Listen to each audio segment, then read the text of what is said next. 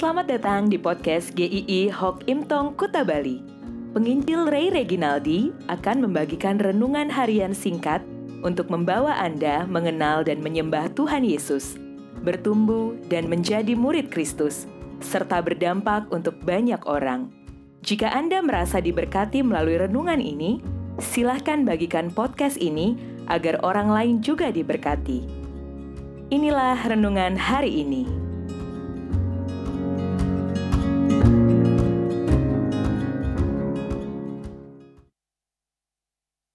Harus mati. Yohanes 12 ayat 24. Aku berkata kepadamu, sesungguhnya jikalau biji gandum tidak jatuh ke dalam tanah dan mati, ia tetap satu biji saja. Tetapi jika ia mati, ia akan menghasilkan banyak buah.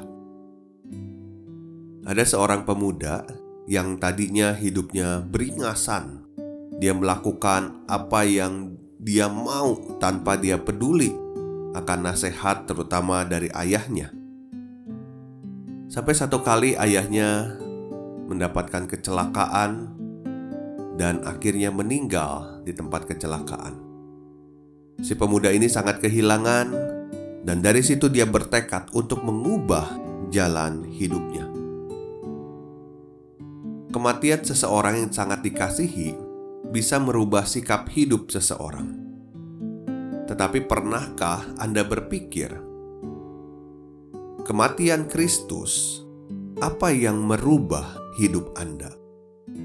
Seberapa besar dampaknya bagi hidup Anda?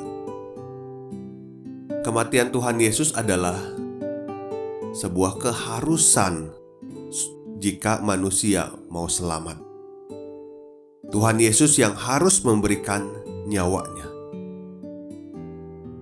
Firman Tuhan hari ini mengatakan biji yang jatuh, yang mati akan menghasilkan buah.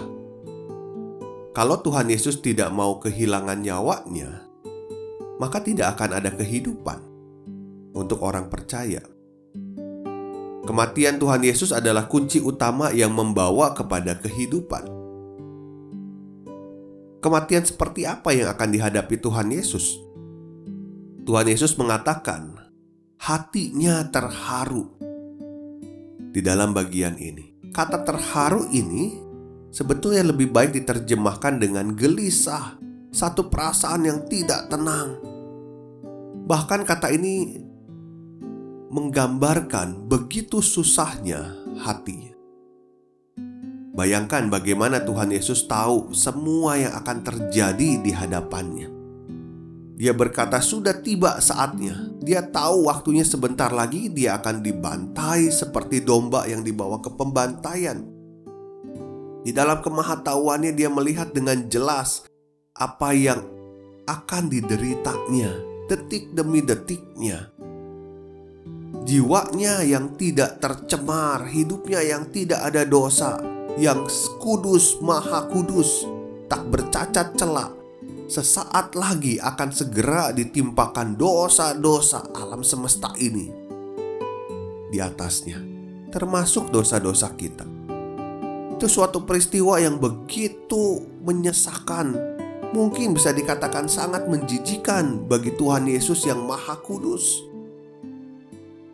Seperti yang dinubuatkan dalam Yesaya 53 ayat 5 tetapi dia tertikam oleh karena pemberontakan kita. Dia diremukkan oleh karena kejahatan kita. Ganjaran yang mendatangkan keselamatan bagi kita ditimpakan kepadanya. Oleh bilur-bilurnya kita menjadi sembuh. Dan yang dinyatakan di dalam perjanjian baru 2 Korintus 5 ayat 21 pun berkata, Dia yang tidak mengenal dosa telah dibuatnya menjadi dosa karena kita supaya dalam Dia kita dibenarkan oleh Allah. Kematian Kristus memberikan hidup yang sangat berharga. Walaupun Kristus harus menanggung begitu beratnya hal yang sangat-sangat buruk. Kita bisa katakan ini adalah satu-satunya peristiwa dalam sejarah manusia yang terjadi sekali dan itu mengubahkan dengan total hidup manusia selamanya. jika kita mengerti betapa besarnya pengorbanan Tuhan Yesus menyelamatkan kita. Seharusnya kita tidak sia-sia lagi menjalani hidup ini. Di momen Jumat Agung ini, mari kita ambil waktu untuk merefleksikan diri kita di hadapan Tuhan. Kita mungkin sering meminta ampun atas dosa kita di hadapan Tuhan, tetapi itu karena kita takut akan pukulan Tuhan, akan akibat dari dosa kita, bukan karena kita menyesali dosa itu begitu buruknya, begitu menjijikannya. Maka seharusnya kita saat jatuh di dalam dosa, kita mengakui dan bertobat di hadapannya. Tuhan sudah menanggung hukuman dosa itu bagi kita.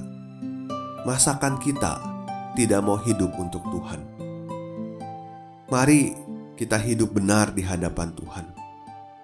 Momen-momen masa lalu, kejatuhan-kejatuhan masa lalu, mari kita tinggalkan. Berjuang bersama dengan Tuhan. Memberikan hidup sepenuhnya untuk Tuhan. Dan kita ketika hidup benar di hadapan Tuhan. Bukan hanya sesuai dengan kehendak Tuhan, tetapi kita menghargai anugerah keselamatan dan bukan menghinanya. Kita besok masih masuk dalam rangkaian antara Jumat Agung dan Paskah. Nantikan episode selanjutnya, Tuhan memberkati.